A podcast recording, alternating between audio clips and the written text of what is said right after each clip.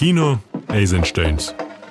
Filmu studiju Mistrus Mēdija, Kultūra Kapitāla fonds un Kultūra Elpa piedāvā sarunu par kino, cilvēkiem, filmām, rekvizītiem, kinokamerām, krāsām, naudu, mūziku un to, kas skatītājiem nebūtu jāzina. Jā, sveiki, tas ir raidieraksts eh, Kino Eizensteins. Eh, mums šogad bija divi lieli atskaites notikumi. Un viens ir Splendid Palace 100 gadu jubileja, viens ir Forum Cinema 20 gadu Jā. jubileja un uh, kino skatīšanās pieredze. Uh, sarunā piedalās um, Splendid Palace mākslinieckā vadītāja un arī kino zinātniece Dairā Boliņa, kinozinātniece Dita Rietuma un Nacionālā kinocentra arī vadītāja, fórums cinemas programmu vadītāja Elīna Liberta, Māja Kalniņa, Kinopunkts un es Gins Grūbe. Lai arī mēs katrs pārstāvam dažādas institūcijas, tas noteikums ir, ka mēs šeit varam runāt, ko mēs gribam, un nevienam par to nekas nekas nav. Bet, uh, o, nu mēs vismaz neuzreiz. vismaz neuzreiz, jā. Bet uh, es, uh, lai būtu nedaudz tā optimistiskāk, es uh, paskatījos uh, 2023. gada tā saucamo Nostradamus reportu, uh, kas katru gadu tiek palaists Göteborgas filmu festivāla laikā un uh, kas pēta kino skatīšanās. Uh, tendences, un tas pagājušā gadā publicētais bija vēl tāds nu, samērā optimistisks. Tur uh, bija teikts, ka pēc trim, pieciem gadiem mēs tikai uzzināsim, kā kinoteātris izplatīšana ieklausīsies kaut kādā nu, plašākā filmas filmu ainavā pašreiz. Pagaidām, ka šobrīd ir tāds datu uzkrāšanas periods, lai visi saprastu, kas īstenībā ir notiek. Un, un visiem vajag saglabāt mieru un nogaidīt. Šodien Screen Daily publicēja, ka nākamā gada globālais box office saruks pa 5%. Nu, kas ir tas, kā jūs balstoties uz to, ko jūs redzat vai skatāties, kā jums liekas, kas notiks tajos 3-5 gados tālāk? Nu, es domāju, ņemot vērā, ka globālais box office vismazāk attiecas uz ārhausa kinoteātriem, tad varbūt Lēnija kaut kādā. Nu, ir eh, nu, box office, eh, vismaz Latvijas tās prognozes rāda, ka viņš tikai pieaug. Varbūt mums ir vairāk kaut kā tā cena, kā saka, bija šī pieauga, lai kompensētu to uh, skatītāju kritumu. Tā kā, nu, mēs arī neprognozējam, ka tas box office vismaz Latvijai nākamgad ir saruks. Uh, Visdrīzāk viņš pieaugs, un arī šie pirmie dati, kas ir par eh, janvāri. Novembri, ieskaitot, eh, liecina to, ka eh, par 19. gadu, pret kuru mēs arī ļoti skatāmies un salīdzinām sevi, jo tas ir gads, pirms um, notika Covid un visas krīzes kari, tad uh, ir pieaugums skatītājiem plus 26%, kas ir diezgan pozitīvs signāls, um, kad atvesaļojas kino industrija, kinoteātri un eh, vispār skatītāji. Tā kā, nu, es, man grūti komentēt, bet es teiktu, ka, eh, ka drīzāk nē, ka šai liktnei jāiet tur uz augšu. Viņa nebūs ļoti stāva, bet lēnām, lēnām, pakāpeniski vajadzētu tai masai augt. Un pēc trim gadiem, kas būs? Pēc trim gadiem ļoti grūti pateikt, kas būs. Bet nu, noteikti jāņem vērā to, ka uh, kinoteātriem uh, ir uh, jāiegulda un jāiet līdzi kinotehnoloģijām. Tā, tas ir tāds vispārīgs tendence, kad, kad mums ir jākonkurē ar šo mājas kinozāli un savā ziņā jāapgreido kaut kādā ekrāni, kaut kāda pieredze jāpapildina ar šīm tehnoloģijām, lai tas neaizstātu mājas un straumēšanas platformas. Tas ir viens. Tā, kā, nu, tā investīcija, tā pieplūde industrijai noteikti, es teiktu, ka noteikti būs visus šos trīs nākamos piecus gadus, un droši vien viss tālā nākotnē. Nu, Splendid Palace eh, arī tuvojas 2019. gada rādītājiem. Tā kā, ja tas mums ir tāds ceļš stabiņš, tad no šī viedokļa, jā, um, publika ir kinoteātrī. Um, vai mēs gribētu, lai viņi ir divreiz vairāk.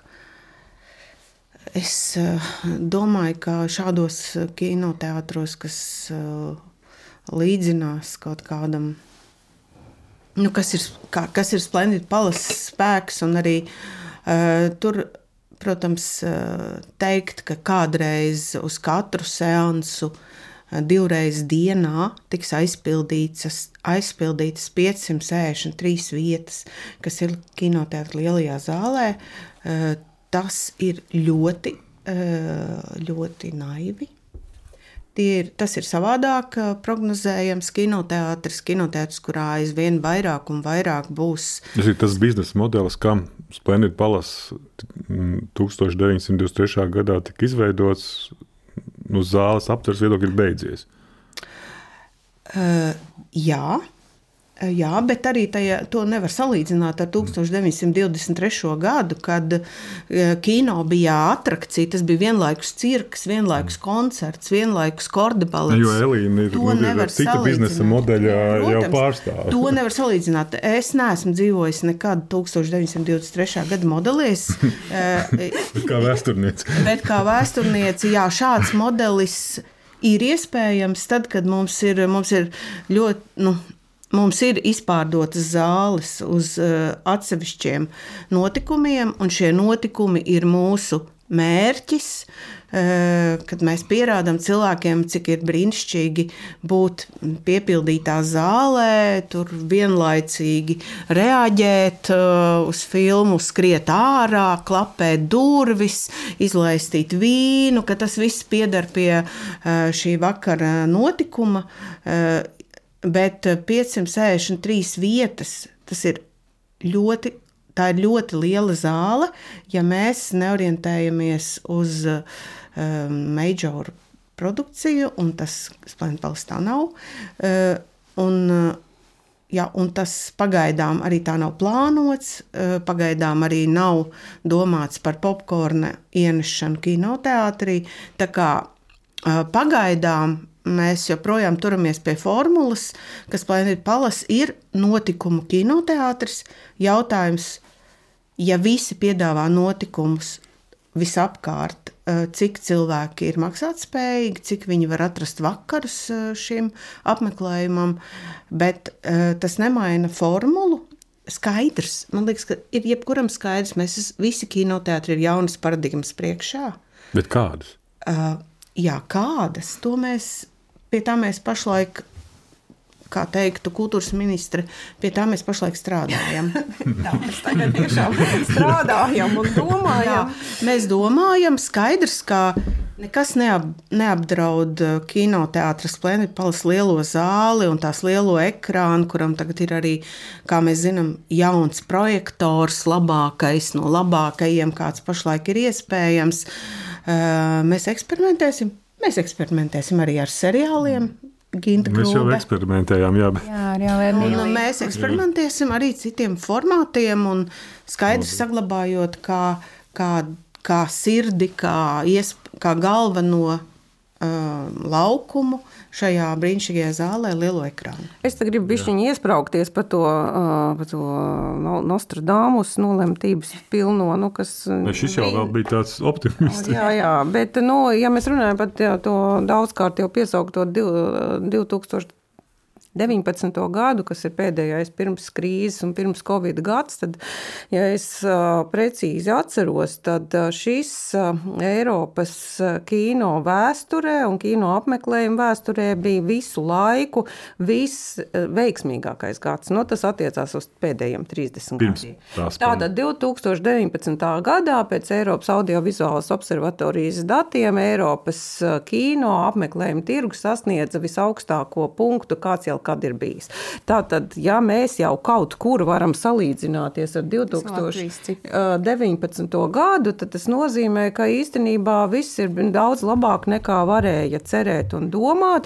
Un man acu priekšā ir dati par 23. Tātad patreizējā 2023. gada 11 mēnešiem, kad, kuros Latvijas kino tirgus lielums ir 1,8 miljonu skatītāju, tātad 1,8 miljonu kino biļešu ir nopirkt šā gada 11 mēnešos. Uz ekrāna ir izlaistas 197 filmas, un pagājušā gada rezultāts ir jau pārsniegts. Un līdz ar to arī ir pieaugums 26% apmērā gan skatītāju skaita ziņā, gan 28% apmērā kases ieņēmumu ziņā.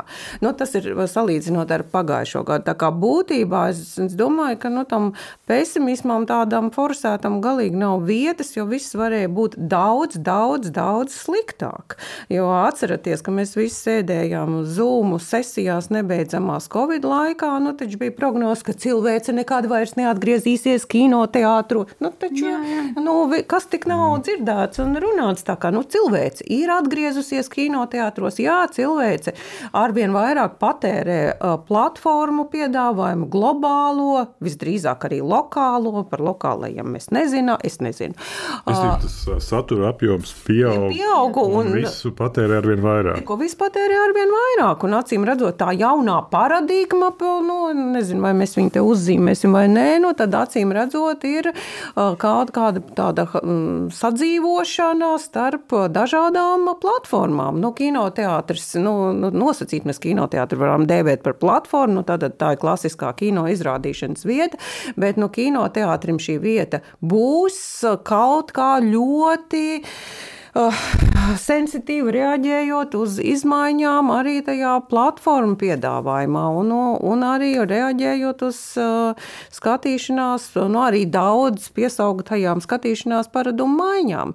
Bet es saku, tas nenozīmē, ja mēs dragājam Netflix no rīta līdz vakaram zilu zaļu palikdam, tas nenozīmē, ka mēs negribam varbūt vienreiz mēnesī aiziet uz kino, jā, kur ir citi cilvēki. Tas no tiem 1,8 miljoniem katrs Latvijas iedzīvotājs vismaz vienreiz gadā aiziet uz kino. Jā, nu, nē, nu, jā. to nevar teikt. Varbūt kāds jā. aiziet desmit reizes, un kāds neaiziet nevienu reizi. Jā, mēs nevaram teikt, ka visi Latvijas iedzīvotāji, visi Latvijas iedzīvotāji vienreiz gadā aiziet uz kino. Mēs varam runāt par 1,8 miljoniem nopirktu kino biļešu. Tā, nu, tas būtu precīzi, kā man kādreiz sarāja slavena socioloģija Latvijā. Mēs nevaram teikt, ka visi Latvijas skatītāji ir aizgājuši kino. Vienkārši ir nopirkts tik un tā, tik kino biļetes. Un kas, Maija, jūs sākāt arī pirms pandēmijas visaktīvāk savu darbību, atvērāt, liekas, ka vairāk kā 100 vai pat 200 reģionālos Jā, nu, punktus, kas notika ar šiem punktiem? Nu, viņi joprojām funkcionē, joprojām darbojās, bet ne tā, kā tas bija tajā brīdī, kad bija jāizrāda simtgadus filmas. Bet arī nu, es domāju, tas nebūtu korekti salīdzināt teiksim, tagadējos rezultātus ar to laiku, kad, kad mēs rādījām šīs simtgadus filmas. Uh, Um, jo tajā brīdī arī katrai filmai, kas nāca ārā, viņai bija ļoti spēcīga kampaņa. Un, uh, lauku reģionos tas ir ārkārtīgi svarīgi. Lai tas skatītājs būtu, ir svarīgi, kāda ir apkārt tā, tā kampaņa, kāda ir informācija, sākot ar Latvijas rādio, beidzot arī ar reģionāliem mēdījiem. Un, Un jāsaka, ka simtsgadus, par to simtsgadus programmu bija ļoti, ļoti liela interese. Un tas, un, um, Tā, viņi mums iedeva datus. Tā gada beigās mums bija kaut kādi cipari, un, un teiksim, 8, 17, 18, 19. Tie bija viss, nu, tādi vis, visjaudīgākie. Tur bija skatītāju skaits virs 100 tūkstošiem. Vai tagad mēs varētu, kā, nu, gada laikā, vai tagad mēs varētu uz to Nu, cerēt, es nezinu, vai tas ir iespējams teiksim, nu, ar biļetēm šādu, vai mēs varētu pacelt kaut ko tādu, jo mēs jau nepārstāvam kinoteātrus. Tās ir kino demonstrēšanas vietas.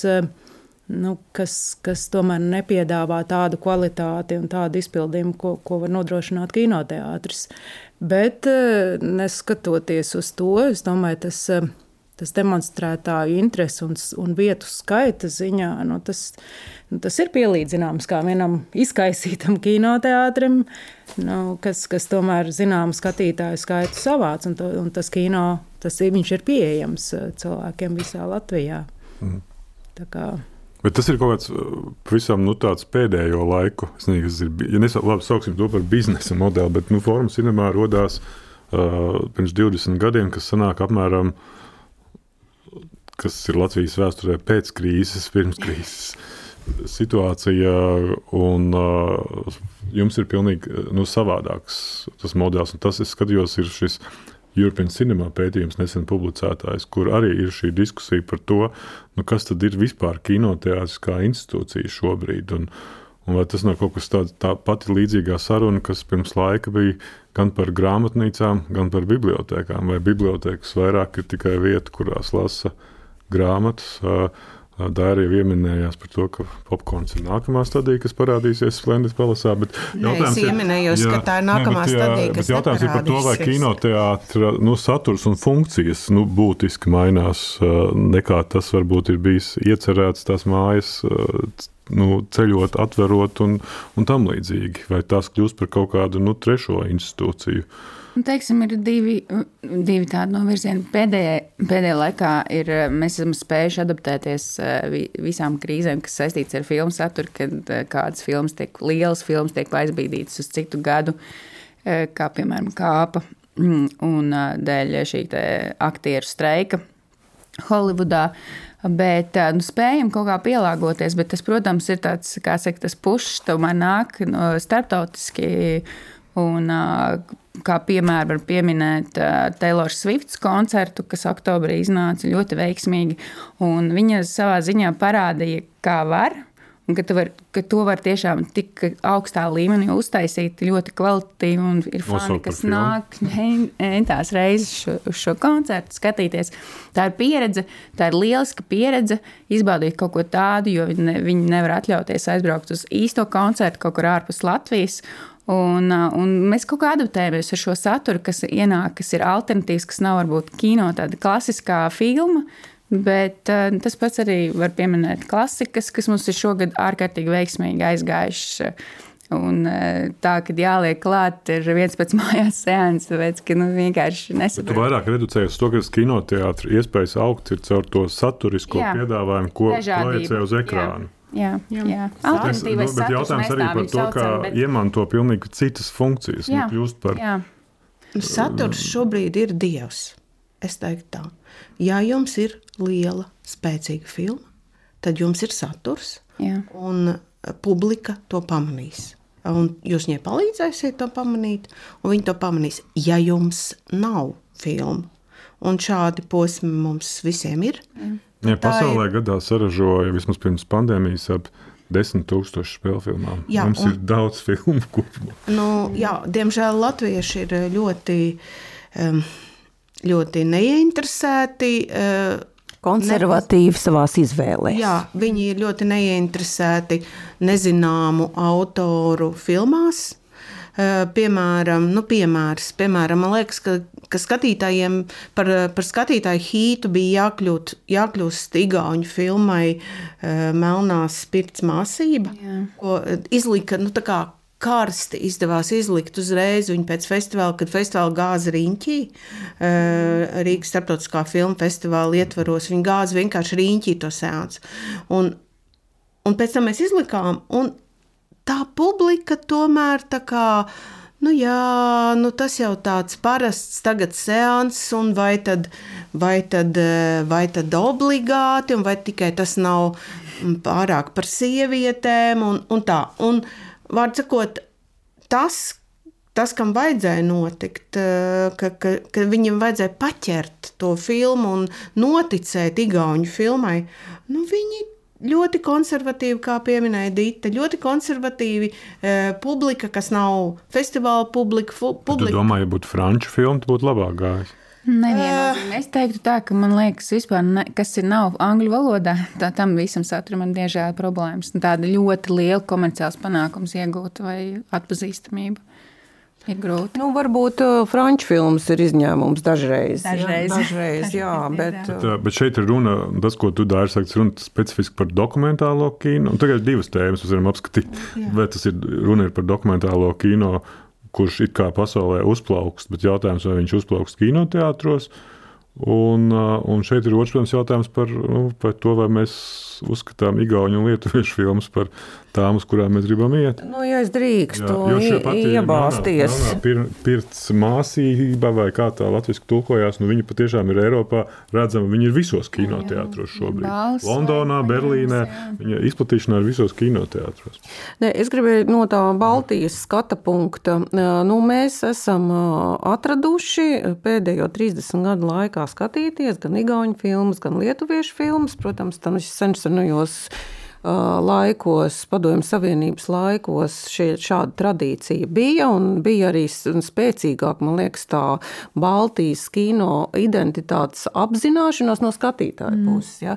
Tagad mēs varam teikt, ka ir ļoti spēcīga Baltijas kino identitātes apzināšanās no industrijas puses, ir ļoti daudz kopražojumu, ir tiek daudz un intensīvi strādāts dažādos uh, projektos, kas ir tendēti uz Baltijas kino uh, atpazīstamības veicināšanu veicināšana starptautiski, tas viss darbojās, bet nu, tas vājākais posms joprojām ir kā pārliecināt Latvijas skatītāju skatīties igauņu filmas, kā latviešu filmu, lietuviešu filmas atvainojas, un tas pats notiek arī otrādi, nu, kā pārliecināt igauņu skatīties latviešus, lietuviešus, tur ir tikpat slikti rezultāti. Nu, es nesaukšu nosaukums, bet, piemēram, nacionālajam hitam, kam ir Igaunijā, teiksim, 100 tūkstoši skatītāji, nu, Latvijā varbūt 3000 skatītāju.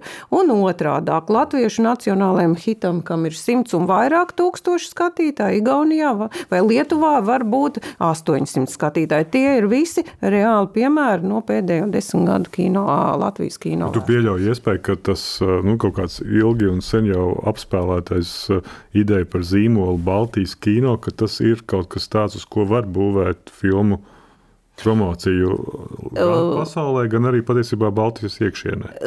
Jā, bet šobrīd tas vairāk darbojās startautiski, tas darbojās kā tāds eksporta zīmols.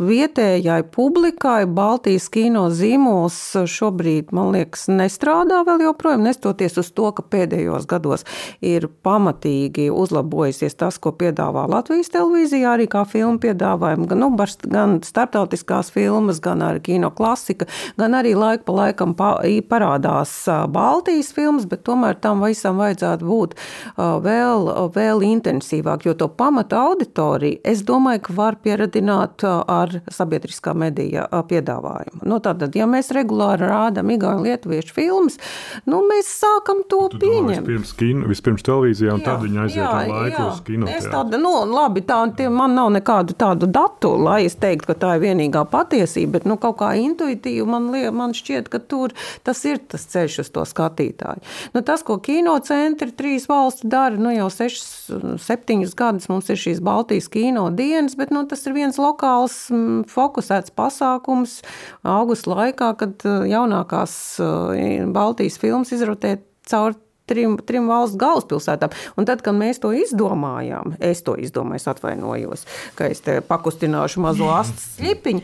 Nebija tā, ka jā, Igauni bija baigi laimīgie un tā, nu, kas viņas nāks tur mums skatīsies, nu, kāpēc mums to, kāpēc mums to vajag. Bet, nu, pamazām, pamazām tas viss ir, viss ir aizgājis, nu, šāda fokusēta pasākuma ziņā, bet tas ir viens fokusēts pasākums. Mm, bet, nu, Jā. Piedošana, jā. bet uh, mēs šīs Baltijas filmas pagaidām rādām par brīvu ditu. Jā, jā, protams, protams. protams jā, pateicoties jā. finansējumam. Jā, protams, pagaidām, jā. un tāpat par brīvu mēs tikko rādījām pilnīgi gandrīz pārpildītās zālēs jauno itāļu kino. Un, nu, Jā, tad iznāk tā, ka ir vispirms eh, tie cilvēki ļoti nopietni jāpieradina pie tā, ka viņi zina, ka tas piedāvājums, kas tur ir, viņus ir interesējis jau divus vai trīs gadus. Nu, nu, tā vecā patiesība par brīvu neko labu nepiedāvāja. Nu, Kino ziņā tā nav, jo visi tie brīvdabas seansi, brīvpieejas seansi, biļetes tiek izņemtas. Nē, es tev provocēju.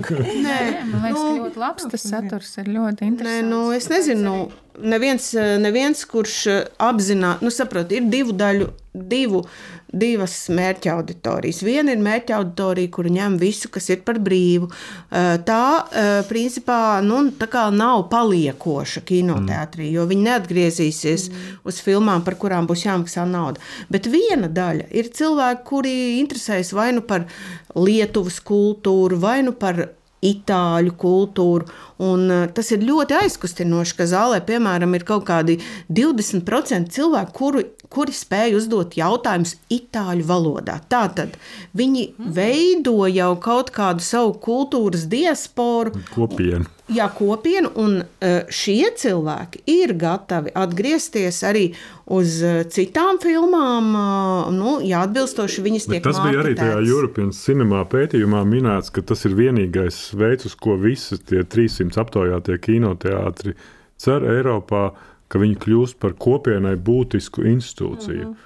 Un tad ir jautājums, ja tās kopienas ir dažādas. Tā ir kopiena, nezinu, Cēsīs varakļānos, vai tā ir kopiena uh, Rīgas pilsētā itāļu valodu mīlošai sabiedrībai. Nu, labi, ne tikai itāļu, arī latviešu valodu mīļošai. Nē, bet tas vienkārši iezīmē sabiedrībai. to, to, nu, to kopīgo uzstādījumu par to, ka mēs visu laiku runājam, ka auditorijas segmentējas, fragmentējas un Jā. Jā. sadalās ar vien sīkākās uh, dažādu veidu nu, attiecībā uz formātiem. Bet šeit, ja mēs runājam par kinoteātriem, vai mēs arī varam teikt, ka, ka arī tur tās auditorijas segmentējas. Daudz fragmentējas, daudz tādās sadalītākās Jā, nišās. arī kā, kā, kā, kā, ja ekrāni ir divi vai ja ekrāni ir desmit, kādā veidā, nu, ko iesākt ar šo kopīgo tendenci?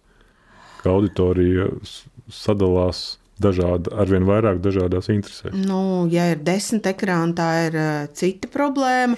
Ja ir uh, divi ekrāni, 14 ekrāni. jā. Bet arī tur ir jādabū pilnas zils. Protams, jā. Ja ir divi ekrāni, tas ir cits stāsts. Tad ir, uh, protams, jādomā par to, uh, kas ir lielajā zālē un kas ir saucamajā mazajā zālē, kurā ir uh, 206 vietas. Tātad, kā mēs sadalām šīs auditorijas, vai mēs precīzi pro prognozējam, jo dažkārt tie, kas ir mazajā zālē, būtu bijuši trīsreiz laimīgāki, ja viņiem būtu šis seans lielajā zālē, kur viņiem uzreiz ir svētku sajūta. Eh, Nu jā, bet eh, skaidrs, ka eh, šobrīd ir daudz precīzāk jāstrādā uz mērķa auditorijām, kuras ir patiesībā ļoti atsaucīgas. Viņas tikai vajag sasniegt. Protams, ka mēs nerunājam šeit par, par to, ka mm, nu, tur, piemēram, itāļu diaspora varētu nākt eh, uz kinoteātri divas nedēļas pēc kārtas. Viņi var četras dienas atnākt, bet ne, ne divas nedēļas pēc kārtas. Tā tad eh, mums ir par to jādomā. Ka Cik daudz eh, no šiem cilvēkiem, kas ir reāli ieinteresēti un kuriem eh, vajag šo kultūru šajā valodā, nu, protams, tur ir arī daudz studentu, kuri skatās angļu, mm, nu, tā kā itāļu valodā ar angļu subtitriem un tam līdzīgi. Eh, Tas, tā, tādā veidā mēs šīs te mazliet paplašinam šo. Bet tas vajag izlasīt, ka kino kļūst par tādu publiskās diplomātijas izpausmi. Ja? Ļoti man patīk šis Nē, tas apzīmējums. tā arī. Nu, ja to organizē vēstniecības Kino tad tā ir. diplomātijas. Jā. Jā, nē, nē, nu, protams, ka. Nē, nu, Saprotu, kā nu, Bet ar kādām nišām jūs strādājat? Nu, nišas auditorijā. Um, nu, principā, Nu, kā? Kā un, nu, jā, un tā jau es tev te visu izstāstīšu, kā un, ar, un tam līdzīgi. Jā, bet eh, tas tā, teikt, tā nav tāda ļoti publiska saruna. Mums pat nav ar ko dalīties, jo nav neviena līdzīga prototypa Rīgā um, šim kinoteātrim Splendid Palace. var dalīties. Tad jau Nu, tas nevar noskaidrot. Okay. Uh, Bet, uh, bet nu, um, skaidrs, ka principā, lai kā tas arī nebūtu, Splendid Palace zelta iespēja ir latviešu valodā kino, latviešu, Latvijā radīts. Un to saka arī straumēšanas platformas. Jā, droši vien. Un tā tad mēs šobrīd esam uh, tātad uz viena galda vai uz viena ceļa ar platformām. T- Šo situāciju mēs vēl neesam īsti atkoduši, ja tā var teikt. Vai mēs esam pretinieki, vai mēs varam iet pa vienu ceļu. Mēs esam ļoti aktīvā procesā, lai mēs padomātu par to, domājam par to, ko nozīmē, ja platformām interesē Nu, pagaidām viņas saturs. uzvedās kā konkurenti jums. Um, pagaidām nē. Pagaidām nē. Es domāju, ka platformas Kamēr šobrīd ir. cīnās par kino logiem, jā. Uh, Pagaidām platformas cīnās savā starpā, mazā ekrāna platformas, kurai būs pirmā roka, kurai būs otrā roka, kurai nebūs nekāda roka uz šo seriālu, piemēram. piemēram. Uh, bet uh, pagaidām, pagaidām lielais ekrāns ir, nu, tas ir piedāvājums, saproti? Tas ir kaut kas, tas nav sali, tas šobrīd tieši es tev gribētu teikt, ka tas, ka kaut ko rāda mazajā ekrānā, nav ārkārtēji konkurence tam, ja šo um, projektu rādītu uz lielā ekrāna. Paralēli, vienā jā, laikā? Jā, kaut vai paralēli. Mm -hmm. Kaut vai paralēli. Tāpēc, tāpēc, ka tie, kas skatās vienā ekrānā, viņi neskatīsies otrā vai kā. Ne, viņi, protams, nenāks divreiz skatīties. Nu, tad um, ir jābūt tās ir tādas īpašas filmas, kuras cilvēks skatās divas reizes. Bet, bet tas, ka nu, mums jau ir ārkārtīgi daudz piemēru, nu, jūs paši producenti izlaižat filmu uz divas, ne, divas nedēļas kinotētri, un tad jau sākat rādīt platformā. Nu, tad mēs skaidri saprotam, ka tie, kas gribēja skatīties platformā, viņi jau pārvirzās pie jums. Bet, nu, pirmo reizi, labi, bet atgriežamies pie, pie plata. Pirmo reizi, man liekas, tas bija Dīta neļaušu samalot, bija Kanās, manuprāt, gadā 17. gadā, kad iznāca Meirovicas stāstījums. Netflix filma uh, tika parādīta konkursu programmā Kanu.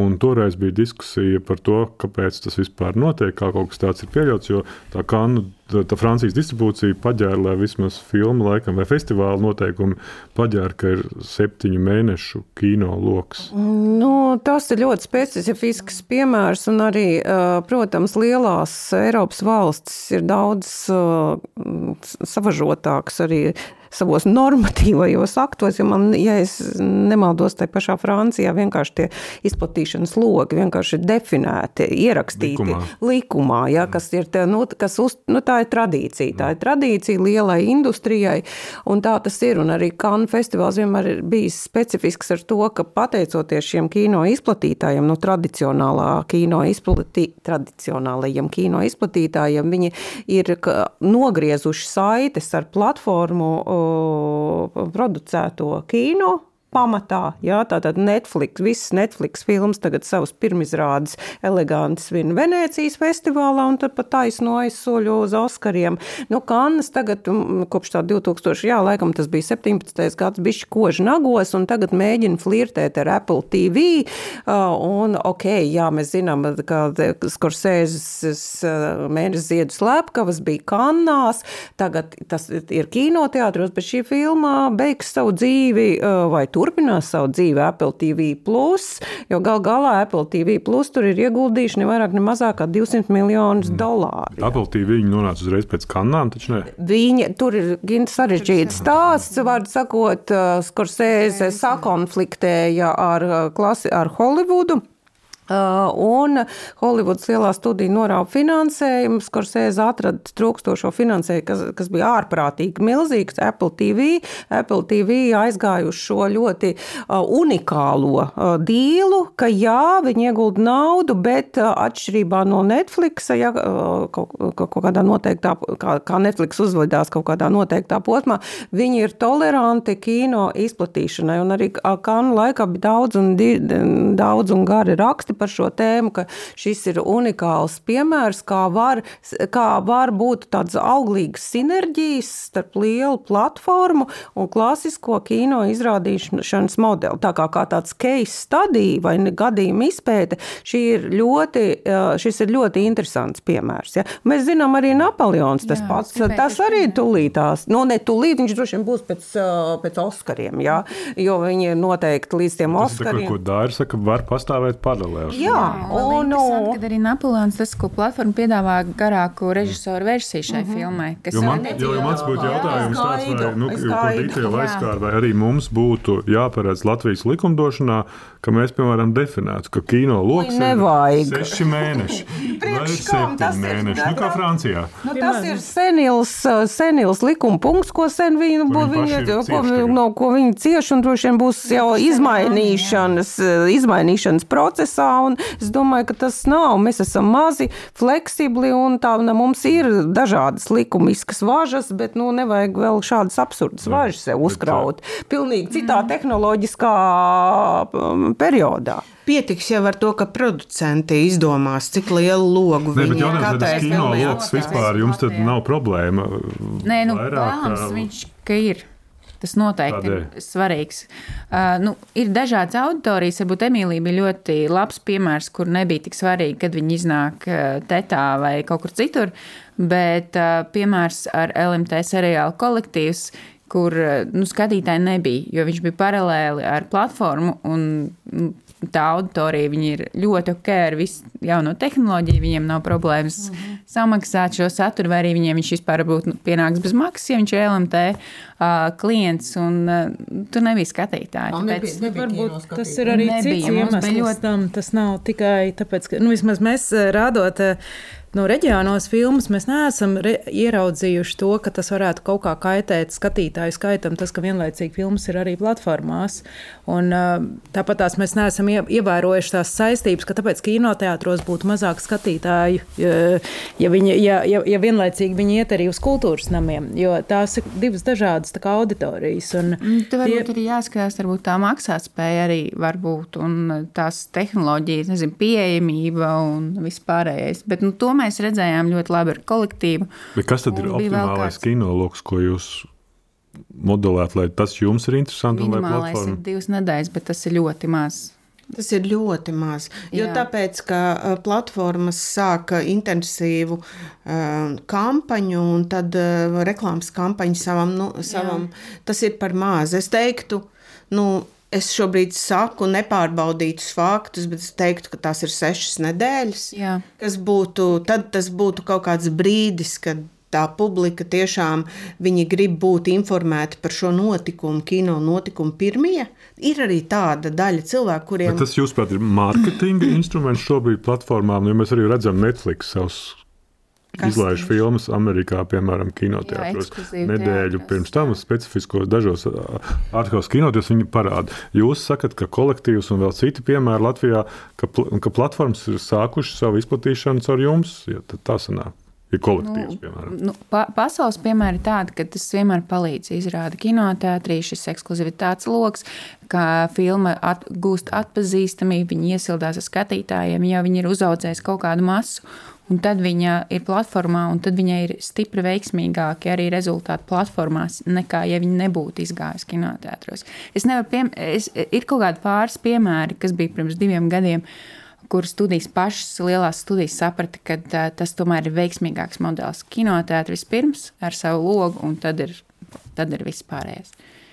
Varbūt es neesmu precīzi tajā apgalvojumā, bet es saprotu, ka Netflix ir, arī strādā jau ar daudziem projektiem tieši kinoteātros vispirms. Es pat esmu dzirdējusi apgalvojumu, ka viņiem ir savi kinoteātri. Jā, viņiem ir savi kinoteātri. Viņi arī tikko norestaurējuši vienu vēsturisku kinoteātru Losandželosā. Netflixā ir brīnišķīgi desmit minūšu tāda dokumentāla filma par šo kinoteātru. Viss var apskatīties. Un, bet viens no iemesliem, un varbūt tas pat ir lielākais iemesls, kāpēc viņiem vajag šos kinoteātrus. Tā ir kvalificēšanās Amerikas Kinoakadēmijas balvām. Tu nevari kvalificēties, Jā. ja tu neesi savu filmu izrādījis kinoteātros. Līdz ar to, vai tur ir stratēģija publikas iesaistīšanai, vai tomēr tur ir arī šis Oskaru faktors, kas viņiem ir nenormāli svarīgi, jo viņiem vajag tos ordeņus, viņi šausmīgi tos ordeņus grib, viņi šausmīgi cenšas. Un, tā kā tur ir, nu, tas būtu, es domāju, 50% uz 50. Varbūt mm. ne tik daudz tās izplatīšanas stratēģijas, cik tas, lai to atzīmējies, ka es ar šo filmu, es iešu ar filmu Maestro uz Oskariem. Un, jā, un tā filma ir bijusi pirmizrādīta Venecijā, un tad ir bijusi tajos tajā mērķētā izplatīšanā lielās Amerikas pilsētās. Jā. Jā, Bet tas neatiecās uz Romu. Viņi jā, pirmo jā, reizi Ņujorkā iegādāja speciāli kinoteātri, lai ko, Korona Roma varētu pretendēt Oskariem. Tas ir piektās avēnijas galā, tur pie tā smukās viesnīcas ir tāds maziņš, maziņš, maziņš kino. Ne, bet tas nozīmē, ka, nu, ka tādu tendenci iezīmē, ka platformas varētu kļūt pašas nākotnē par uh, kinoteātru īpašniekiem, ka tas ir tas viens no. Jā, un arī Amerikā tagad ir, ja viņiem tas likums ir atcelts, kad arī izplatītāji studijas var savus kinoteātrus būvēt vai celt vai pirkt. Un, rādīt, jo viņiem tas bija dzirdi? daudz. Ka... Tas bija kopš, tas bija kopš man liekas, 40, 20. gadsimta 40. 50. gadu mijas, kad bija tas anti, tika pieņemts antimonopola likums un kino ražošana tika nodalīta no kinoteātru īpašnieku status. Tā kā tas bija tāds vēsturisks pagrieziens, kas pielika punktu klasiskās Holivudas arī tai mm. sistēmai. Kas notiek ar Eiropas kino? Jo viena no tām, un arī ar ārkārtas kino izplatīšanu, jo viena no prognozēm pandēmijas laikā, kad sāka prognozēt, kas tad notiks tālāk, bija, ka izdzīvos lielās blockbuster filmas, tās kļūs mazāk, ko ražos stu, lielās studijas, bet vismagāk klāsies tieši ar ārkārtas filmu izplatīšanu un Eiropas ārkārtas filmu izplatīšanu. Tagad, Tagad ir pagājuši divi gadi, mēs varam jau, mēs varam jau kaut kādus secinājumus izdarīt. Vai tad ar blockbusteriem ir smagi? Smagi. Jā, Jo ar- protams, Jo tie neiznāca dēļ, dēļ scenāristu streika. Nē, nu, droši vien, ka ar mega lieliem blockbusteriem, kā Oppenheimers un Bārbija, viss ir kārtībā. Jā. Uh, Gan jums, gan arī uh, mēs zinām, ka ir atsevišķi. Nu, Splendpalas paņēma vienu no šīm filmām. Es zinu, kā Auseklis, kas arī ir uh, definējis sevi kā uh, mazu uh, arthouse uh, kinoteātrē, Eiropas cinemas tīklā, ir paņēma pat abas filmas. Uh, tad, un, bet nu, skaidrs, ka šobrīd vis, visplānāk klājas uh, viduvējām, jeb B kategorijas Holivudas blockbusteriem. Teiksim, tā, Trilleri. filmām, kas, uh, jā, kas uh, nav uh, Arī pie mums. Jā, arī pie mums. Jā. Nu, Cilvē- nosaukumu vienu. Nu, To viņi varbūt būtu gatavi skatīties tajās platformās, mm. bet tādēļ iet uz kino viņi nav gatavi. Bet savukārt Vesa Andersona dēļ viņi ir gatavi iet uz kinoteātru. Piemēram, Splendid Palace statistika rāda, ka Vesa Andersons ir numur divi uh, reitingā šogad. Tātad cilvēki saprot, ka ir kaut kādas lietas, ka es sevi apdalīšu. Ja es eh, neskatīšos to uz šo te krāšņumu, uz, uz lielā ekrāna, viņi iet uz lielā. Asteroīdu pilsēta. Jā, asteroīdu pilsēta. Nu, numur viens, ja jūs interesē, Nu. ir Ne, mācība. To starp citu arī, ko tu dari, saki, to teica arī tajā Nostradamus reportā, kas ir Vācu lielā Jorka kino izplatīšanas grupa, kur viņš norādīja, tas Kristians Bauers, viņu vadītājs, ka tas bija par 2022. gadu, ka ar parazītu vai vēl pa mēriņam vai Nomadland nebija problēmas, jo viņš uzskatīja, ka tās ir lielas filmas, kuras ir radītas lielajam ekrānam. Nu, ko, kas vispār ir, ir šobrīd, ko nozīmē radīt filmas lielajam ekrānam? Protams, ir cits jautājums. Nu, Es, starp citu, šo, Vai šis jau- ir kaut kāds, nav kaut kāds novecojis uzstādījums filmas Nē. lielajam ekrānam? Nu, šis nav novecojis uzstādījums. un Es, es pat ļoti rosinātu par to producentus padomāt par to, ja jūs jau mērķiecīgi taisāt filmu mazajam ekrānam, ka eh, jums nav jātaisa filma, kuru varētu rādīt uz lielā ekrāna. Tas, na, ta, tam nav. Nu, tā tam nevajadzētu vispār būt. Ta, tas ir kaut kas, tā ir cita ražošanas droši vien specifika un uh, kameras stils un visas šīs lietas, kas, kas attiecās uz uh, mazajiem ekrāniem. Ja jūs taisat lielas vēsturiskas filmas, tad skaidrs, ka jūs uzreiz kaut kur jau pakausī paturat ideju par lielo ekrānu, jo citādāk taču jums nav jēgas šo, šo smalko, šo smalko eh, darbu, mākslinieku, rekvizītoru, kostīmu mākslinieku, grīmētāju darbu veikt, ja to nevar mazajā ekrānā nolasīt. Tas, tā ir tāda lieta, par ko es bieži domāju. Es domāju, nu tā, vajadzētu būt divu daž, dažādu budžetu somām vienas. Prioritāri Jau ražojot filmas. Jā, jā. Nu es eh, neražoju filmas, man viegli runāt, bet eh, tā tad. eh, Tas ir jautājums kinocentram. Nu, kinocentram varbūt ir cits viedoklis. Kinocentram, nu, pie, kinocentram nav tāda. Nu, nezinu, slota, tātad ražot filmas mazajam, Lielajam un mazajam. lielajam un mazajam ekrānam. Visas filmas, kas ir, uh, saņēmušas finansējumu, viņām ir jātiek izplatītām kinoteātros. Tas pats attiecās arī uz kopražojumiem. Un es zinu vienkārši no saviem kolēģiem Igaunijā un Lietuvā, ka, kur arī tieši ir tādi paši nosacījumi, ka ir uh, Kaut kādi, nu, ir dažreiz izņēmumi, ka ļauj tos kopražojumus uzreiz izrādīt platformās, saprotot, ka kinoteātros būs ļoti grūti nodrošināt skatītājus. Bet būtībā, jā, nu, tas uh, lielais ekrāns ir uh, pamata ekrāns. Bet es domāju, ka, nu kā, mēs esam tajā laikā, dzīvojam tajā laikā, kad kino finansējumu uh, piešķir ne tikai kinocentrs, ir arī kultūra kapitāla fonds, ir arī platformas, kuras finansē finansē pašas savus produktus, un tur top šie produkti, kas ir domāti tikai un vienīgi mazajam ekrānam. Līdz ar to nu, tas viss jau notiek. Mhm. Nu, tas viss jau notiek, un neviens, starp citu, arī platformu, platformās veidotās filmas, viņas dažkārt izvēlas svinēt pirmizrādi kinoteātros. Parasti tie ir slēgti seansi. Nu, tā viņi to parasti izvēlās, bet būtībā tā tad es nezinu, kādu iemeslu dēļ viņi to rīko slēgtos seansos. Jo nu, vai nu viņi apzinās to, ka tā ir produkcija mazajam ekrānam, un tas, ko mēs šobrīd darām, būtībā mēs nu, kaut, kaut kādā ziņā pārkāpjam paši savu rāmi. Un mēs neesam tik pārliecināti iespējams par to, kā tas varētu izskatīties uz lielā ekrāna. Es nezinu to, to motivāciju, bet tas ir fakts kā tāds, jā, ka, ka tā tad šobrīd, bet šis gads Gint būs ļoti izšķirošs tam, vai, piemēram, daudz sēriju filmas, kuras ir finansējusi nu, finansējums ir gan no Eiropas fondiem, gan no Nacionālā kinocentra, vai viņas attaisnos to, ka viņas e, iznāks uz liela ekrāna.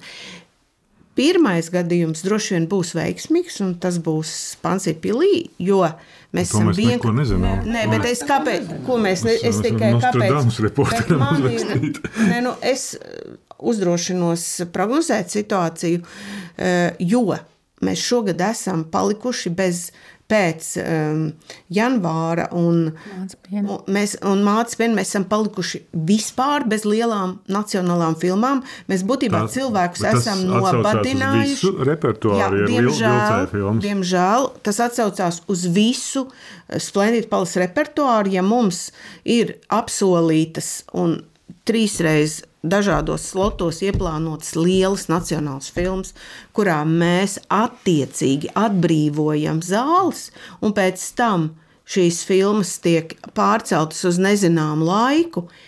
Tas, protams, ārkārtīgi ietekmē repertuāru. Otrkārt, nu, Splendid Palace publika grib skatīties nacionālās filmas arī.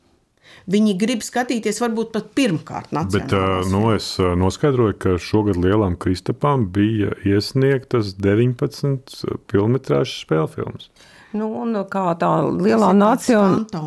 lielā nacionālā filma nenoliedzami ir mātes piens. Tā, ja tā ir pirmizrāda gada sākumā. Nu, tas mm. jau ir bijis šogad. Mums... Tā ir skatītākā filma. Jā, nu, ir, ir sajūta, ka tas ir bijis sen, bet tas bija šogad, kas attiecās uz, uz praksi, ka producenti pārceļ savu filmu pirmizrādes objektīvu iemeslu dēļ. Jā, protams, nu, teiksim, citēsim kultūras ministri, mēs kopā ar producentu asociāciju strādāsim pie tā, lai šādas ekstrēmas gadījumus mazinātu.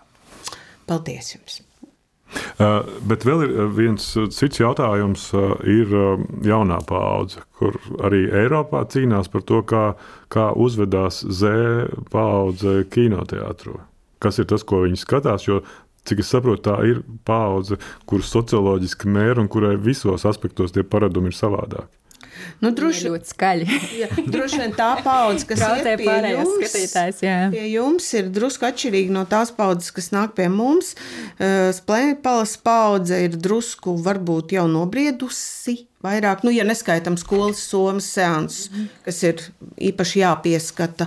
Un, tā kā visi, nu tā, bet, uh, bet, uh, bet kas attiecās uz pamata auditoriju, kas nāk, viņi ir ļoti prasīgi. Viņi arī ir, tie ir galvenokārt tā ir studējošā jaunatne, tostarp arī starptautiskie studenti. Un, eh, protams, ka tie nav tūkstošiem cilvēku, bet, eh, piemēram, kvalitatīvos eh, tādos kino piedāvājumos, nu, nu, mans šī gada cienījamākais projekts, liekas, ir trīra pilnā retrospekcija, kurā bija faktiski nu, varēja saskatīt eh, zālē gan cilvēkus, kuri ir atnākuši tāpēc, ka viņi zina, kas tas ir, gan arī cilvēkus, kuri ir atnākuši beidzot to paskatīties. Un tie ir jauni cilvēki. Un tas attiecās arī piemēram uz itāļu jauno kino, tas attiecās arī uz lektoriem, kas jau nu varbūt ir mērķēti vairāk uz jauniem cilvēkiem, kā tas, ko tu nedrīkst. Kuri neko nezina. Ne, jā, kuri, kuri jau kaut ko zina. Patiesībā Eh, tas attiecās uz visiem šiem mērķiecīgi eh, tēmētajiem projektiem, kuros eh, ir šī prasība pēc tā, ka kvalitāte tam, ko tu piedāvā, tu vari, kā saka, likt galvu ķīlā, ka tie cilvēki dabūs to, ko viņi vēlas. Mēs radījām Hirosim Manu mīla, ar, toreiz ar Dāvi Sīmani. Sēns bija, nu, saprot, nu, Nu, nav jau tā, ka cilvēki visi grib vēlreiz pa, paskatīties, kā atombumba izšķaida Hirosimu, ja, bet uh, viņi grib paskatīties vēl, vēlreiz uh, Renē, Renē filmu. Un, t, nu, saprot, tas ir, tie, ir tādi, tie ir tādi notikumi, jā, tie ir tādi notikumi, uz kuriem atnāk jauni cilvēki. Bet eh, man interesē par tiem normāliem jauniem cilvēkiem, kuriem neiet uz rēli. Ko dara tie, kuri iet? Labi. Tie, viņi taisa lielu bardaku, nu, tā ļoti nopietni. Viņiem ir, viņiem ir savādāk izpratnē, kā viņi skatās eh, kino. Kā viņiem skatās? ir, pirmkārt, ir gadgeti, viņiem ir draugi. Viņiem ļoti patīk runāties, pārunāt, ķiķināt. Kā viņiem patīk izpausties emocionāli. Un tas ir pilnīgi citādāk nekā tāda nobriedušātāka auditorija. Mums bija bija uh, filma Smile. Viņa jau, man liekas, jau pagā, pirms gada vismaz iznāca uh, smaids. Šausmu filmu, un mums pat bija ideja tāda, ka ir jāveido divi veidi sēnes. Vienu šiem trakiem jauniešiem, un otru tiem, kas vienkārši grib tiešām izbaudīt klusumā to šo šausmu filmu un izbaudīt visu to, ko tā šausmu filma tev vajadzētu tev izdarīt. Uh, un, uh, un tas, kas ir ar jauno autoriju, ir pirmkārt, viņiem nav ļoti daudz satura. Un patiesībā tas saturs, kas viņus interesē, mēs uzzinām no viņiem. Nevis no eh, release schedule, kur ir filmas salikts, tur mēģinājumu studijām iznāk tādas un tādas filmas, bet mēs uzzinām no viņiem, ko viņi grib redzēt. Uh, viņiem intereses ir ļoti dažādas. Viņiem patīk anime. Tas ir ļoti, kaut kas ļoti populārs viņu vidū. Viņi mums prasa, vai, man, vai būs iespēja redzēt šādu filmu, šādu. Uh, Uh, otrs ir uh, kā, viss mūzikas uh, saturs. Arī tas viņus ļoti interesē. Un, un jā, nu, ļoti žēl, ka līdz Latvijai daudz kas nenonāk tas, kas viņus interesē. Nu, bet skolas soma sākās simtgadus laikā. Latvijas mm. valsts simtgadus laikā tā ideja sākās. Tika realizēta, vai tagad jau pēc pieciem gadiem mēs varam pateikt, ka, ka, mēs, ka tas radīja potenciālo kino skatītāju nacionālajiem kino. Es domāju, pilnīgi noteikti skolas summa dod. Nu, es tieši šodien, pirms nākšanas šejienes, reģistrēju seansus ar vairāk kā 2000 skolniekiem. Tas ir līdz pulkstenes diviem. Tie ir katrs, katrs tas bērns, jaunietis, viņš noskatīsies vienu Latvijā ražotu filmu, un tur ir dažādas, dažādi tur gan dokumentālās filmas, gan tur janvārs vai astrai. Tas pats mātes piens un circiņš Ziemassvētku, kas atkal rulē šajos Ziemassvētkos. Nu jā, um, tas ir milzīgs cilvēku skaits, milzīga auditorija, kas, kas nav tā teikt ar pliku roku ņemama. Un, un, un, un, un vēl jau lielāks prieks, ka tas jau nav tā, ka kaut kāds tas ir labdarības projekts, kur, kur studijas pavēlti dod tās filmas, un tomēr studijas arī saņem par to zināmu zinām naudu. Un, uh, Un, nu, jā, un tas, es domāju, vairāk gadu garumā arī tās skolas, kas ir iesākušas to kino rādīt saviem skolniekiem, viņi arī turpina no gada uz gadu. Tad Tur jau ir reģionos vairākas skolas, kur tie jaunieši, nu, viņi nu, teiksim, pieci gadi viena bērna dzīvē ir diezgan liel, liels laiks. Teiksim, no, no 5. klases līdz vidusskolas pirmajam gadam. Un, ja viņš katru gadu ir savas divas, trīs filmas nosties, viņam jau ir diezgan liela tāda bāze. Nu, te, te, tajā, ir tāds te... pedagoģisks piespiedu mehānisms. Man ir jautājums par nu, to, vai, vai tad, šis piespiedu mehānisms vai nestrādā, vai viņi iet uz fórumu cinemā, vai viņi Tas iet brīvprātīgi 21 gadu vecumā, tagad paši skatīties jaunākās latviešu filmas. Es domāju, tas vēl pirmkārt veicinoši. Precizēsim, ka tā tad skolas summa tas ir tikai nacionālais. Jā. Jā, nē, tāpēc arī jautāju. Nevar vai- neko citu viņiem piedāvāt. Mēs vienreiz eksperimentējām ar tādu Eiropas uh, lektoriju, uh, kuru gan izjauca pēc tam uh, pandēmija, bet um, nu, tāds eksperiments bija, un mēs viņu balstījām uz tiem, kas ir aktīvākie skolas somas nācēji, vai viņi nebūtu ar mieru paskatīties kaut ko citu. Jā, bet tur ir problēma ar to finansējumu. Jo Jā, jā, viņiem un tad viņiem būtu jāmaksā pašiem. naudas, Jā, bet tas bija vienkārši ir kaut kāda, nu, jums katram ir kaut kāda bāze.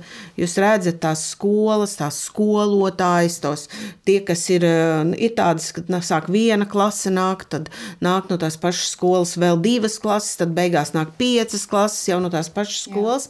Un eh, tas jau izveidojās kā tāds, nu jā, jau kaut kāda tāda komūna, kas nāk no vienas skolas. Bet eh, nu, man bija viens tāds gadījums, eh, interesants, cienīgs tikko, ka atnāca uz.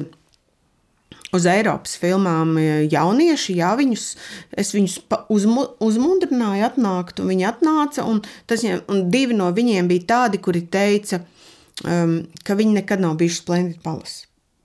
Nu, tādu cilvēku joprojām ir ļoti daudz. Ir, ir, jā. Jā. Jā. Uh, Un, uh, un tā tad uh, viņi teica, ka viņi nav bijuši Planet Palace, bet tad izrādījās, ka viens no viņiem ir bijis ar skolas somu, bet to viņš neskaita. Un Tā, ka, tā kā to viņš Tā nav nepieskaita. kino pieredze. Jā, tā viņam tā, jā, to viņš, jā, tā ir skola, bet tagad viņš ir atnācis pats. Un, uh, jā, un tad viņš ir ieraudzījis, nu, kā, kā, kā tas izskatās. Un, nu, jā, nu tā, tas ir tikai tā, tāda replika par to, ka uh, skaidrs, ka man liekas, ka skolas soma ir izdarījusi, ka tas projekts uh, būtu ļoti bēdīgi, ja viņu kāds apdraudētu šo projektu un ka viņš neturpinātos, bet es ceru, ka tā nav. Uh, Jo tāpēc, ka tomēr uh, mēs jau saprotam, ka, ka tās ir ne tikai filmas, tie ir muzeji, tie ir, Jā. Tās ir, tie tas ir teātris. Tas kaut kādā veidā tie jaunieši visticamāk nekad ar savām mātēm neaizietu uz šiem pasākumiem. Um, viņi tikai aiziet kopā ar tajā skolas somas ietvarā. Daļai no viņiem varbūt iespējams ir finansiāls problēmas. Un otrai daļai no viņiem nebūtu nekādas intereses iet ar mammu. Nu, arī par to saturu, vai teiksim, 9. un 10. klases jaunietis tāpat aiz brīvprātī ieteiksim skatīties to mātes pienu, bet ir ļoti svētīgi, ja viņš viņu noskatās. Ne jau kā spai, spaidu pēc, bet ja viņam ir vēl arī lielisks pedagogs, kas iedod kādus ievadvārdus šai sakarā. Nu, tad tas ir tikai apsveicami. Tas ir tas nākotnes kino statīt, skatītājs, grib vai nē. Nu, tas, kas jau būs saskāries ar kino, tas, ka viņš nonāks atkal kinoteātrī, būs daudz lielāka iespējamība, ja viņš jau būs šīs filmas redzējis iepriekš, nevis tad, ja viņš 20 gados pirmo reizi ies uz kino. Tā kā- Tas, kas ir viena no tendencēm jau vairākus gadus, ir ā, šī kino restaurācijas tendence. Ā, Kā Jā. tas atsauc, jā, filmu restaurācijas. ā, ā, Filmu restaurācija kļūst ar vien populārāka. ā, Gan lielām sales aģentūras ā, jau veido savu šo kolekciju, balstoties un iepērkot no jauna šīs restaurētās filmas. Kā jūs redzat, kas, kur šeit ir jūsu kinoteātris vieta nu, šajā spēlē? Kļūstot par daļu no cinematēkas, izpildot cinematēkas funkcijas vai tam līdzīgi. Arī tā skaitā Eiropas un pasaules kino kontekstā, jo man bija interesanti pieredze. uh, Filadelfijā es ievēroju Arthouse kinoteātris, bija izvēlējies demonstrēt uh, uh, šī britu izdevuma Sight and Sound simts visu laiku labākās filmas, ko nosaka dažādi Eiropas kritiķi ik pa pieciem gadiem. Laikam. Un, un es sapratu, ka liela daļa no šīm simts visu laiku labākām filmām es nekad savā padomi cilvēka dzīves pieredzē uz lielā ekrāna vispār neesmu redzējis. Šis ir kaut kas pavisam nu, jauns un interesants, ka mums ir varbūt vērts atgriezties arī caur šo Eiropas kino restaurāciju vai pasaules kino restaurāciju pie filmām un uzrunāt tās paudzes, kuras pirms arsenāla laikā šīs filmas nemaz nav redzējušas. Jā, viņas arī interesē.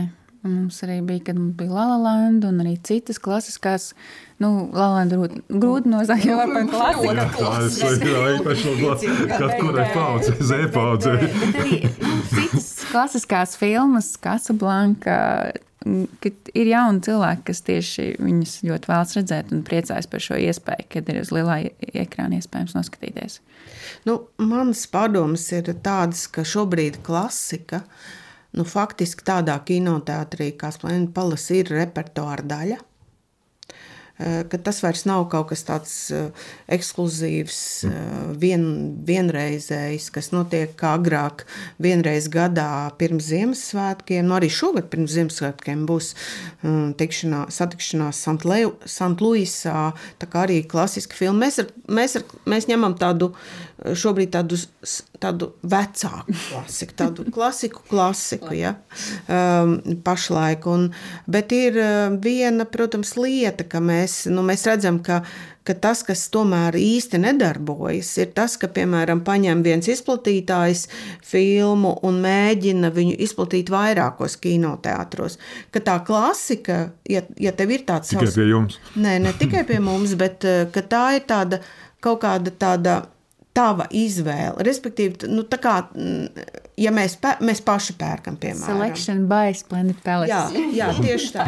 Tieši tā, tieši Bet tas tā. ir dārgi vai kāpēc? Cik lielā mērā? Jā, tas ir riktīgi dārgi. Jā, tas ir ļoti dārgi, un eh, tev ir eh, jāsaprot, um, vai tas vispār, nu tā kā tas nav tāds īsts peļņas eh, jautājums vispār. Protams, ka tam ir jābūt rentablam, jo pretējā gadījumā neviens neatļaus pirkt vēl vienu filmu, bet nu, tomēr, tomēr tās klasiskās filmas ir tās, kas veido to seju nu, kā lai to pa, nu, pasakā precīzi, ar to zīmolu, to imīģu. Jā. Nu, Nu, tā mēs to redzam, jo, jo, jo tāpēc, ka, ja tās filmas ir citos kinoteātros, tad tas kaut kā nojauc to, um, to sajūtu, ka tev ir jāiet uz turieni, vai kur tad tev ir jāiet. Varbūt tā būtu jauna normālība, Jā, ka visos kinoteātros arī rāda. Normāla Vispār tā ir jauna normālība. Ir, ir tā normālība. Es gribu pieminēt arī kā bīzi, vēl vienu Eiropas cinemās kinoteātru, maziņu kinoteātru, bet viņi, piemēram, divus gadus pēc kārtas ir veidojuši ļoti vērtīgas tādas retrospektīvas retrospekcijas, Pedro Almodovāra retrospekcija pērn un Davida Linča retrospekcija šogad. Nu, tie ir ļoti dārgi projekti, kuri var tapt tikai ar kultūra kapitāla atbalstu. Ja? Nu, nu, mēs runājam, tas kā bija ir ļoti neliels kinoteātris, tur nevar šo, šo saržģīt pārdot tik daudz biļetes, bet nu, jā, tā kā mm, daudziem nu, jauniešiem, studentiem parasti ir tāds pārsteigums, kāpēc tad, kā, kāpēc vecās filmas filmas, ja tās rāda kinoteātrī, kāpēc tas izmaksā tik daudz? Nu, tas izmaksā daudz, jā. Jā, tas ir dārgs projekts. Ja kino biļetēm būtu samazināts PVN vai vispār bez PVN līdzīgi kā citiem kultūras produktiem, kāds būtu rezultāts? Ko jūs iegūtu? Nu, visi būtu par. Jā. Un kāpēc to ir tik sarežģīti? Jūs? Te vajadzētu jautājumu adresēt Arvilam Ašerādinam, patreizējiem finanšu ministram, kā arī iepriekšējiem finanšu ministram. Mēs zinām, ka Covid laikā bija mēģinājums samazināt tajos ekstrēmajos apstākļos, samazināt PVN kino biļetēm. Tas viss bija pilnīgi. Nu, tas nebija veiksmīgi. Nu, Tātad mūsu finanšu ministrija ļoti noraidoši uztver dažādas ierosinājumus par PVN samazinājumu. Es domāju, ka tas nav pārsteigums. Jā. Labi, par to mēs esam par. Bet tad vēl pēdējais jautājums, kas ir tāds vairāk iezīmējās pagājušajā nedēļā aktualitāte, bet tas laikam ir arī tāds vēsturisks jautājums par filmas Zēns un Gārnis izplatīšanu Baltijā par to, kas notika Lietuvā, kurš jau filmas demonstrēšanu neatļāva. Tas radīja to jautājumu, kādā, kādā reģionā no kinoteātru izplatīšanas Latvija tiek ierindota no starptautiskā skatu punkta, jo mēs ilgu laiku bijām arī Eiropas kino izplatīšanā Šī distribūcijā mēs tikām ierindoti kā bijusī Padomju Savienības daļa. Un ko, ko izmainīja Ukraina šajā izplatīšanas perspektīvā, kad mēs, kad vairs šie krievi izplatītāji nefigurēja un kas ir tas, vai šī koloniz, koloniāla attieksme, kā tu Daira minēji, turpinās attiecībā uz nu, mūsu reģionu tieši izplatīšanas jomā. Nē, nu, par no, liela, no lielajiem gārni, distribūtoriem. Par zēnu un gārni ir skaidrs, jā, tur ir tieši šī koloniālā attieksme bijusi nevis, teiksim, jā, franču izplatītājs nepārdeva filmu Baltijas izplatītājiem, bet pārdeva viņu franču izplatītājiem, un pēc tam franču izplatītājiem izplatīta, nu, pareizāk sakot, franču izplatītāji nepārdeva e, tātad Baltijas izplatītājiem, bet pārdeva Krievu izplatītājiem, kurš, e, teiksim, Ukraiņu kara ietekmē um, bija izveidojis biznesu. Izdējis, jā. Mm. Paldies! Jā, citā valstī tad līdz ar to nu, radās šī konflikta situācija, kurai Eh, kurai Lietuvā, Lietuvas solidaritāte bija daudz eh, spēcīgāka. Šeit Latvijā mums nav nekādu uh, kā lai saka, likumisku. Kaut... Lietuvā arī nav nekas likumisks. Visi Lietuvas kino teātri vienkārši apvienojas un pateica, ka viņi ne, neizplatīs šo filmu. No, piedāvā šis konkrētais izplatītājs, kuram ir nu, formāli dokumenti, ir papīri ir kārtībā, bet ir iespējamas saiknes ar, ar Krieviju. Līdz ar to arī Latvijā nekas netraucē kinoteātriem apvienoties un pateikt, mēs mēs neizplatīsim šo te anima, Japāņu mēs animācijas ja? klasiķa animācijas filmu. Nu, mēs izrādām pareizāk. Mēs izrādām. Jā, nu, Latvijā šī filma izrādīs dažos seansos. Dažos no seansos, jo nu, tā tad arī nav likuma burta, kas juridiski legāli ļautu aizliegt nesadarboties ar šo konkrēto kompāniju. Tā ir Igaunijā reģistrēta kompānija. Mm. Bet, bet līdz ar to nu, var komersanti Visi kino izrādītāji var vienoties un nostāties kaut kādā pilsoniskā pozīcijā. Nu, ir... Šis ir tāds unikāls gadījums, vai šis ir vēl tāds pārējais gadījums par to, kāpēc Ukrainas mēs nesaprotam, kā šī ir izplatīšana uz mūsu reģionu ne, pārveidojās. Mēs saprotam, tas, kas nesaprot, nu, ir tie lielie jā. franču sēles aģenti, filmu tiesību turētāji, kuriem, ticiet man, mēs joprojām esam kaut kas, kas ir bijušais, bijušais padomju bloks, un viņiem, viņi nesaprot šo te problēmu, arī lielās starptautiskās kino organizācijas šo problēmu līdz galam nesaprot, ne, ir bijušas dažādas sarunas, ir bijušas sarunas arī Eiropas līmenī, un, un atbildi ir mums nav, filmas nav sankcionētas, mēs nekā nevaram ierobežot šos franču komersantus, kas pārdod filmas Krievu izplatītājiem, jo tur maksā milzīgas naudas, un pēc tam tie Krievu izplatītāji, protams, mēģina vēl šīs filmas izplatīt arī Baltijā. Tas ir aiz inerces, ja, ka viņi to Baltiju karina klāt? Jā, bet arī aiz vienkāršāk. Vienkāršāk komerciālā loģika tur darbojās, un arī savā veidā nu, tās rietuma Eiropas uh, arogance, un arī tas, nu, ko, ko jūs gribat. Nu, filmas nav sankcionēts. Kāds ir risinājums šeit? Būtu kaut kāds uh, politisks paziņojums no visu Baltijas uh, kinoteātru un izplatītāju viedokļa, paust savu attieksmi publiski, redzami tādā Eiropas līmenī, ka tas ir dzirdams. Šādas, šādas vēstules ir rakstītas arī mēdījai, piemēram, tas nav nekādā veidā summējies kaut kādā. Nezinu, reāli, reālās ierobežojumus. Nu, es vēl gribētu teikt, ka kinotēta tomēr nu, mums nav tas izplatīšanas, tas pirkšanas process tāds necaurspīdīgs, nezināms. To dara izplatītāji. Es domāju, kāpēc tas atnāca pie mums par to zēnu gāni tikai vēlāk, tāpēc, ka Dažiem nu, Lietuvas izplatītāji vairāk piedalījās šajā pitching procesā par šī, šīs filmas tiesībām. Un, un tāpēc arī tas cepiens viņa pusē bija ātrāks. Nu, tā reakcija bija. Mēs tikai tā kā pēc tam kā ar to nākamo vilnu to uzzinājām, kad šāds notikums ir. Lietuviešu kolēģi, protams, dalījās ar šo visu uh, informāciju tā. Bet, um, Nu jā, tas kad, nu, arī tagad pastāv. Es, es pieņemu, ka kaut kāda darījuma citiem izplatītājiem, ar kaut kādiem paturpinātiem, nu, ar Krieviju saistītiem uh, komersantiem. Bet kā mēs kā kinotēti to neredzam, ne, ne, vai mēs to vispār uzzinām, tas ir jautājums. Nu, uh, Splendid Palace pārbauda cilvēkus tajā sankciju sarakstā. Nu, bet šī kompānija nav sankcionēta. Jā, Jā, tieši tā. Nē, nu, mēs pat nerunājam nu, par, uh, kārtībā. par kompāniju, mēs runājam par konkrētiem cilvēkiem, kuri raksta vēstules, un mēs mēģinam pārbaudīt arī sociālajos Nu, tīklos. bet jums jau arī vai- bija dažādi Krievijas, uh, aut- Krievu autori orientēti kultūras pasākumi ar dažādām Krievu kino un teātras zvaigznēm agrāk. Tas viss ir beidzies. Nē, tas nekas nav beidzies. eh, eh, Tas, eh, tā, tie ir telpu nomas pasākumi, par kuriem uzņemās atbildību. Mēs viņus pārbaudām šajā, tāpēc mums ir tik strikti tie sankciju saraksti, kuros mēs pārbaudām visus cilvēkus, kuri piedāvā šos produktus. Un, ja viņi nav šajos sarakstos, tad mums nav īsti legālu sviru uh, viņus atraidīt, uh, ja mums tajā brīdī kinotēts piemēram, nav aizņemts. Kaut ar, piemēram, ar lielo kristapu vai ar kaut ko citu. Tā, kā, tā tas ir. Um, jā, tā tas ir. Um, es nezinu, kā tas turpināsies. Es domāju, ka tas ir kaut kādā veidā droši vien.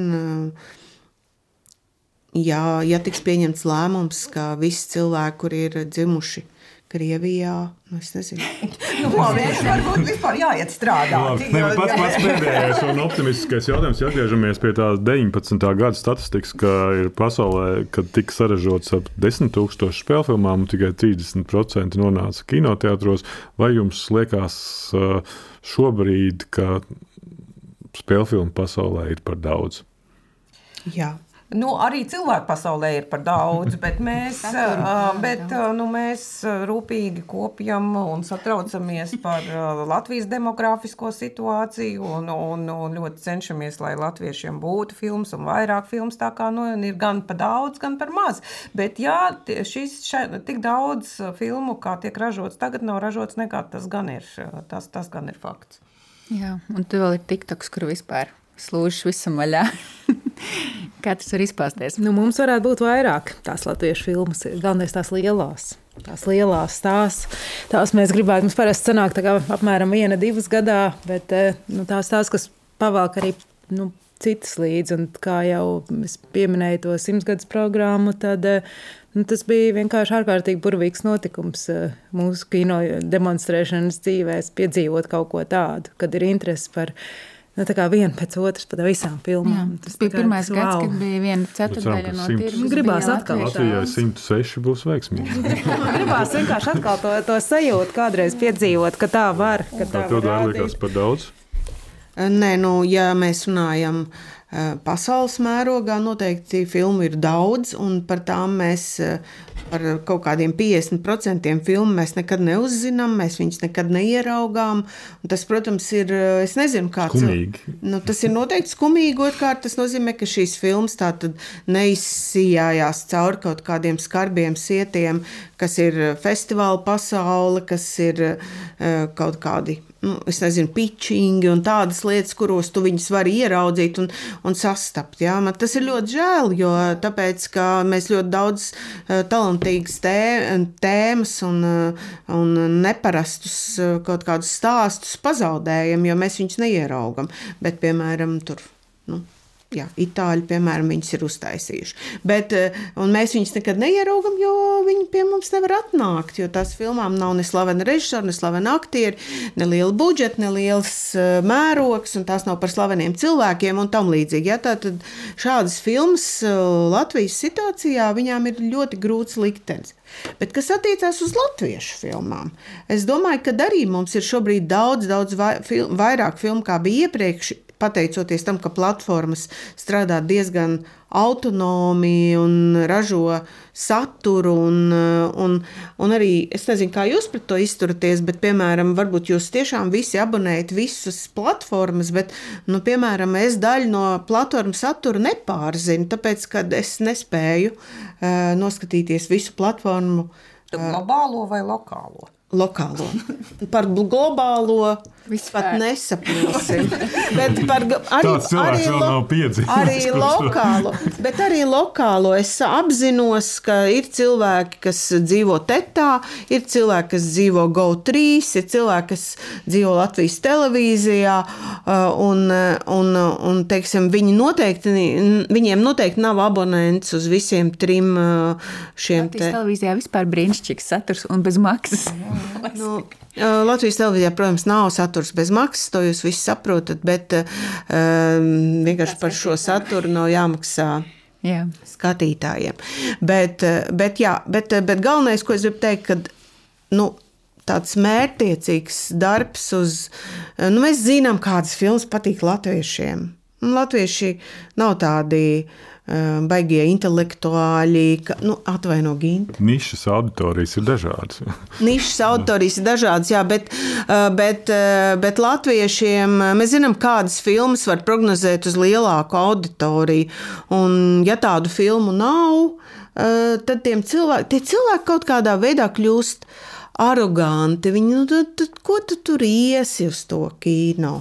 Nu, tad jau tur tu nezini, vai tev tas patiks. Nu, Vispār. Tādas mazas filmas eh, netiek pamanītas. Arī mazas, labas filmas Jā. netiek mm. pamanītas. un Tad ir tā sajūta, jā, ka nekā jā, nav. Kristapā ir iesniegts daudz filmu, un tad tev, tu, tev kāds var paprasīt, "A, kas te jums te šogad vispār ir bijis. Jā, un ir bijis diezgan daudz kas, bet, nu, acīm redzot, nav, tam, tam nav bijusi tā, tā, tā, tā publicitātes smaguma un tā, tā to simt tūkstošu skatītāju, kas tad kinoteātros, kas tad pavelk to sajūtu, ka ir, ir notikums, ir tas lielais notikums, jo tās mazās filmas nepamanā.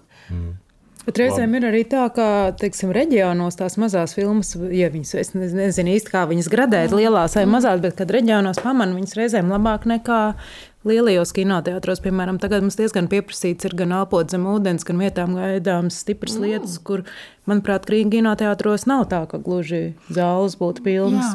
Jā, nebija liels, bet arī viņām ļoti grūti, kā arī Dita teica, ļoti grūti izsisties caur tai visai informācijai, tikt līdz cilvēkam un sasniegt viņu. Arī tas kopražojuma filmā aptiekārs Melchiors, kas mums aizgāja, nu, tā kā, nu, necerēti. Es nezinu, vai tas bija tas viduslaiku stāsts, kas uzrunāja ar, droši vien. Jā, reģionu cilvēkus, bet eh, mums Nu, bija nebija 90, spoži. Jā, 90 seans, un tas ir daudz. tā kā. Daudz, jā. Nu, tā Jā, teikt, to ir grūti tā- citējot ministru, turpināsim pie šiem jautājumiem Jā. strādāt. Paldies jums visiem! Paldies! un, un tiekamies pēc 100 un pēc 40 gadiem. 20 gadiem.